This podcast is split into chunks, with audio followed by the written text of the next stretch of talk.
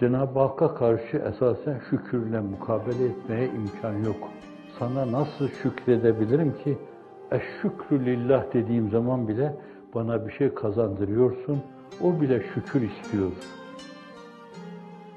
Bir tekme yiyorsunuz. Niye bu oldu gibi böyle?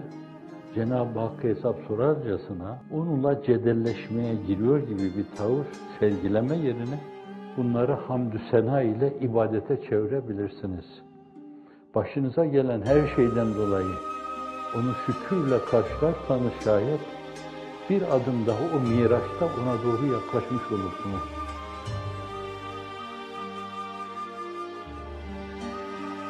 Allah'a binlerce hamdü sena olsun ki peygamberler yolunda peygamberlerin başına gelen şeylerle Allah bizi de serfiraz kılıyor.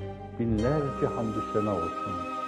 Çoklarının kaybettikleri kuşakta meseleyi kazanma kuşağı haline getirmek.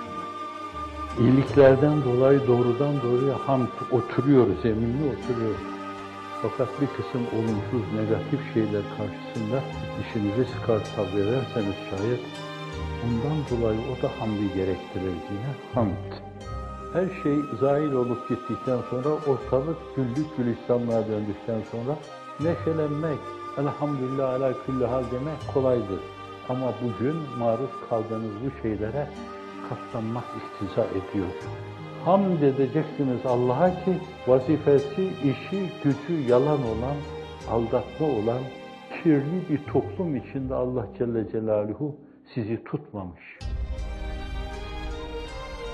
Zayıf insanların hemen isyan edecekleri veya şakaklarına namlu dayayıp kendilerini intihar edecekleri bir hadiseye maruz kalıyorsunuz.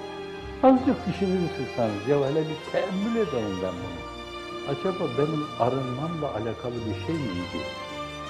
Cenab-ı Hak da diyecek ki, kulum ne saadet, bana karşı içinde en küçük şey geçmesine bile tahammülü yok onun. Hemen onun hakkından geliyor. Ne zaman? Promete gibi zincire vurulduğu zaman, kırbaçlar altında inlediği zaman, çıplak edilip işkenceye maruz kaldığı zaman, anneyi evladından ayırdıkları zaman, yeni dünyaya gelmiş çocuklu annesini hapse attıkları zaman bütün bu acı tablolar karşısında bu acıları şeker ve şerbete çevirme. Elhamdülillah. Senin bize teveccühündür. Bir milyon defa, milyonlar defa hamdü sena olsun Allah'ın küfür ve dalaletin dışında.